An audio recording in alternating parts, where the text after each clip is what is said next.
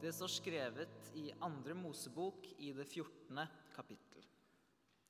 Herren sa til Moses, 'Hvorfor roper du til meg?' 'Si til israelittene at de skal dra videre.'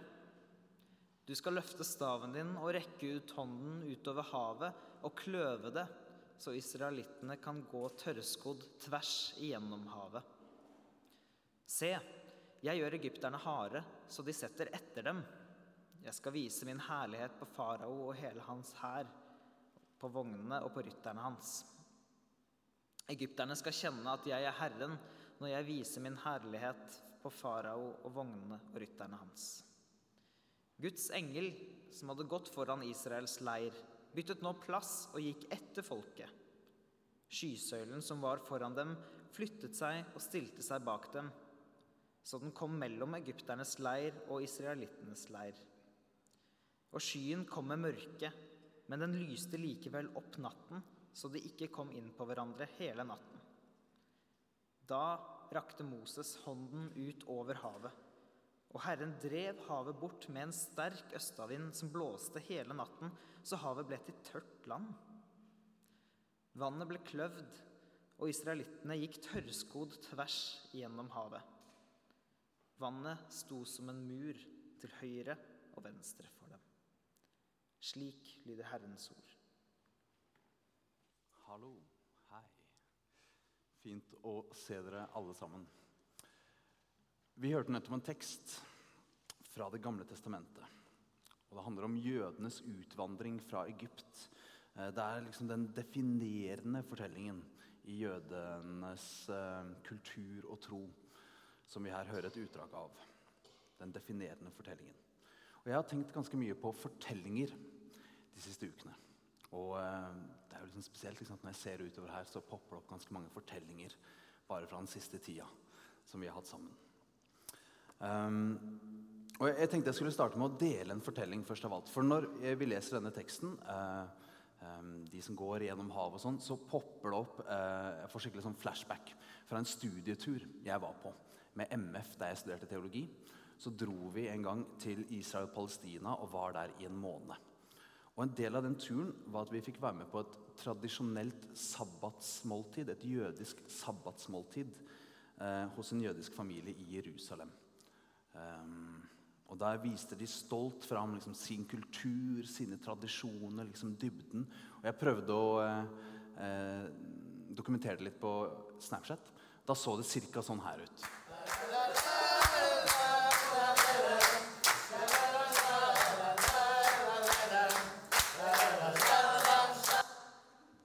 Hæ? Ja. Altså, Det var skikkelig fint. De bare viste oss liksom dette her er greia, dette her er vi stolte av, dette her er oss. Og så sa de sånn Kan ikke dere også vise litt liksom, hva, Hvem er dere? Eller sånn, Hva er deres fortelling? Hva, kan dere vise oss litt norsk kultur? Eh, og så skjer dette. For en skøylærer,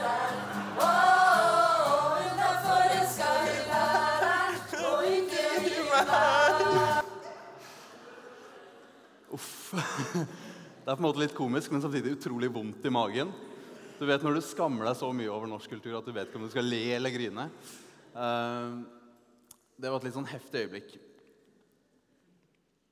Uansett, Vi gikk videre i dette sabbatsmåltidet, og så, eh, da ble deler av denne Exodus-fortellingen fortalt. Eh, den biten vi hørte her lest, det ble lest. Og i liturgien rundt måltidet så sa de ting som dette. Det var vi som ble fridd ut fra Egypt. Det var vi som ble leda gjennom havet. Så de satte seg på en måte selv inn i fortellinga. De knytta bånd mellom det som skjedde med deres forfedre, og de selv. De gjorde denne historien til deres egen fortelling. Og Jeg husker at jeg, jeg tenkte jeg gjorde meg noen refleksjoner rundt det. At det, om det jødiske folket gjør dette med alt av historien, med forfølgelser, med jødeparagraf og med holocaust Det var vi som satt i konsentrasjonsleirene. Da kan du forstå noe av denne frykten som ligger hos deler av det jødiske folket. Den frykten som nå spilles på og utnyttes for å legitimere overgrep mot en annen folkegruppe, nemlig palestinerne.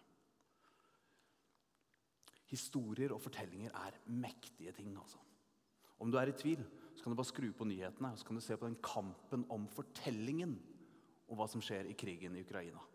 Hvor Russland og Ukraina stadig har helt forskjellige historier.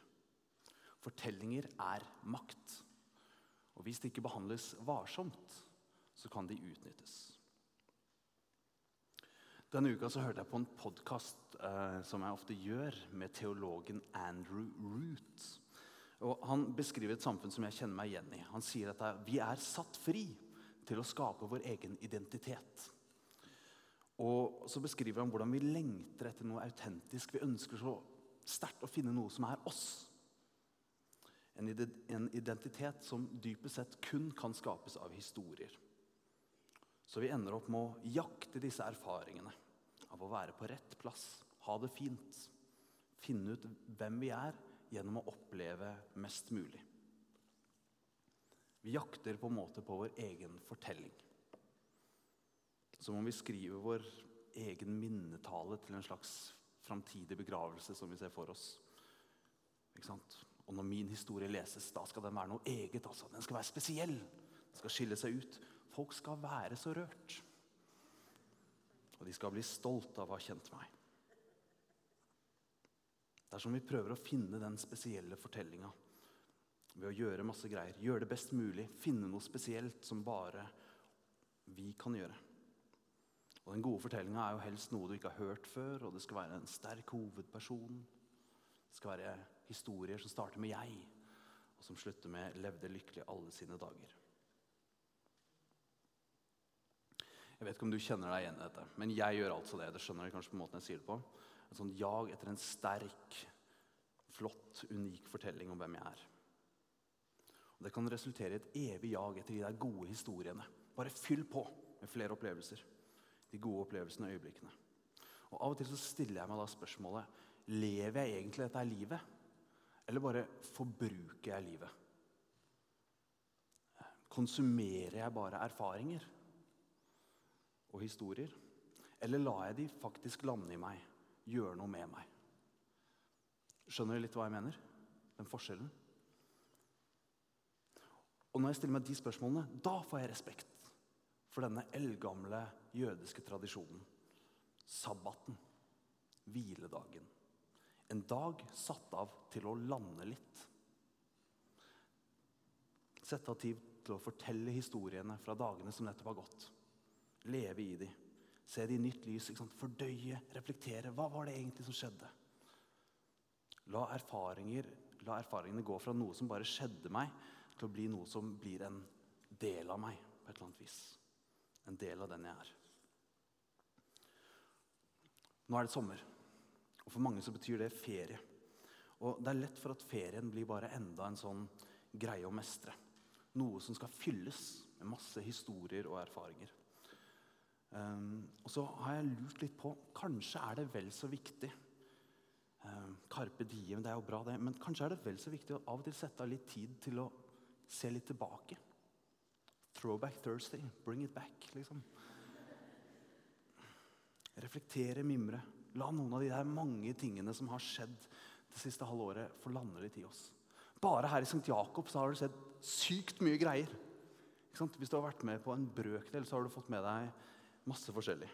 Og jeg tror vi trenger tid altså, til å liksom bare glede oss over det som har gått. Og bearbeide og jobbe med det som var vanskelig. Og kjenne etter hva var det egentlig som var viktig for meg. Mest sannsynlig så ser vi, som vi gjør hvis vi hører i en minnetale i en begravelse, at det var ikke prestasjonene som var det viktige. Det som betydde noe, var fortellingene hvor vi fikk bety noe for noen. Hvor de fikk bety noe for oss. Hvor vi fikk være del av et større bilde. Det er viktig for oss alle å få tid til å reflektere og fortelle vår historie. Særlig er det kanskje viktig når det er vanskelig å se veien videre. Kanskje er det viktig om man har opplevd å miste noen og syns det er vanskelig at man skal liksom slippe tak. Kanskje er det særlig viktig hvis du nå i dag kjenner på et vemod over at du kanskje er her for siste gang i St. Jakob. Fordi du skal videre til Trondheim eller Stavanger eller en eller annen greie. Ikke vet jeg. Kanskje er det da vi trenger å sette av tid.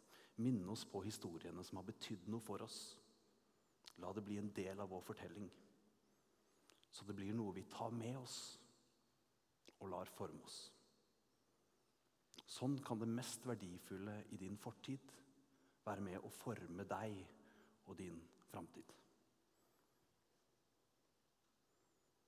Og så er det jo sånn at Vi har jo alle masse ulike forskjellige fortellinger vi kan fortelle om oss selv. sant? Jeg kan fortelle heltehistorien om meg selv, og jeg kan fortelle det helt motsatte. Det handler om hva vi vektlegger, hva vi gir plass, hva vi gir definisjonsmakt. Og Sånn vil det alltid være. Vi rommer masse ulike fortellinger.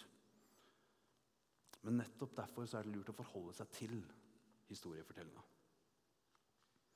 På onsdag fikk jeg besøke en eh, som har gjort akkurat det. Jeg fikk besøke en utstilling kalt Skeivetestamentet på KMD. Og vi var en gjeng som reiste sammen fra St. Jakob. Der ble vi møtt av Thomas, som hadde lagd en sterk utstilling om det å være skeiv i kristne miljøer. Der fortalte han sin egen og andres fortelling gjennom forskjellige design- og kunstuttrykk. Jeg håper at vi skal få den utstillinga hit til St. Jakob en dag, sånn at dere som ikke fikk dratt og sett den, får oppleve den selv. For det var sabla sterkt. eh, Og det var ulike elementer, installasjoner, som fortalte om skeives um, fortellinger. Hvor de bearbeida og formidla disse fortellingene. Og det fortalte om sverte, smertefulle møter med kirka. Blant annet et skap sant, hvor et kors ble brukt for å stenge det igjen. Om hvordan skeive har blitt bedt om å legge lokk på deler av seg selv. Det ble fortalt om en plass, en benk, som kanskje var tilbudt til skeive, men som var sabla vanskelig å ta. Og så ble den absolutt grunnleggende fortellingen fortalt. At vi kommer fra Gud, som skaper med alle verdens farger, og velsigner oss med mangfold. Jeg ble sånn slått av, jeg syns det er en så klok måte å fortelle på. Være ærlig om livet. Gi rom for det såre og det vanskelige. Lete etter håpet, og så samtidig grunnfeste fortellinga i den aller eldste fortellingen. Den fortellingen som gir rom for en annen hovedperson i livet vårt. Og Det er sånn Bibelens historier er ment, tror jeg. Som rammefortellinger rundt våre liv. Det er faktisk en måte vi kan lese Bibelen på. Ja, jeg tror Bibelen ble blant skrevet for at vi skal lese Bibelen på den måten. Den måten som gjør at jeg kan slå opp i første Mosebok kapittel 1, og så kan jeg lese Og Gud skapte Øyvind Rudolf i sitt bilde. I Guds bilde skapte Gud Øyvind Rudolf. Er ikke det fint? For så høyt har Gud elsket verden at han ga sin sønn for at du ikke skal gå fortapt, men ha evig liv. Bibelens store fortelling tilbyr en innramming på våre enkeltliv. Det er kanskje ikke superattraktivt i vår moderne verden. For det gjør deg ikke spesiell. Det gjør ikke historien din nødvendigvis spesielt unik. Ja, Det er til og med en innrømmelse av at du trenger noen andre enn deg selv. Men nettopp derfor så er det en innramming, en rammefortelling som bærer i møte med selve livet. Og det er ikke noe du trenger å jakte, fordi alt er gjort ferdig. Det er det vi gjør når vi møtes til gudstjeneste. Kanskje syns du er kjedelig, noen av de tingene vi gjør liksom bare på nytt og på nytt. Men det er dette som er poenget, at vi kommer med vår enkeltfortelling, og så lar vi den rammes inn av den største fortellingen. Den innramminga gjør ikke nødvendigvis selve livet lettere. Det er ikke sånn at hvis du møter et hav av utfordringer, eller av lidelse eller av sorg, så er det ikke sånn at Gud tar og deler det havet og lar deg gå tørrskodd gjennom. Det er ikke sånn det funker. Ann Helen Justnes gikk forrige uke, for en uke siden, så gikk hun av som biskop i Bodø domkirke. Hun skulle egentlig vært biskop i noen år til, men pga. et ganske tøft år med kreftbehandling for henne selv. Og eh, det at hun opplevde tapet av sin mann, gjorde at hun nå går av pga. at hun har bare ikke krefter til å være biskop lenger. Og I avskjedspreken sin så fortalte hun om dette tunge året. Hun fortalte om det å bli ramma av sånn sorg at hun klarte ikke se et minste flik av himmel. Hun fortalte at hun ikke klarte å be. Hun fortalte at hun orka ikke gå på gudstjeneste. Og når hun først gikk på gudstjeneste, altså denne biskopen, så orka hun ikke ta inn et eneste ord. Og så stilte hun spørsmålet ja, hva er det som holder i møte med de greiene der. Det hun selv sier, er at det som holdt, var det hun kaller rammen for sitt liv. Den kristne tro, ritualene, dåpen, nattverden, bibelfortellingene jeg hørte da jeg var barn. Og så utdyper hun Jeg er ikke troende fordi jeg tror. Jeg er ikke troende fordi jeg tror, men fordi jeg er tatt inn i noe som er større enn meg. Større enn hva jeg mener, og større enn hva jeg forstår. Det som holder, er en kroppslig visshet om at troen er rommet jeg lever i. Og det som holder, er medmennesker som gir av sin kjærlighet. Sånn forteller den tidligere biskopen sin fortelling. Hvordan ville du fortalt din fortelling? Hva er viktig for deg? Hva er det som bærer deg når det meste annet brister? Om vi bruker tid, om vi reflekterer over historiene, setter ord på det, så får vi kanskje til det at vi gjør det til vår fortelling. Og da får det aller mest verdifulle i vår fortid lov til å forme oss og vår framtid. Ære være Faderen og Sønnen og Den hellige ånd, som er, var og være skal, en sann Gud fra evighet og til evighet. Amen.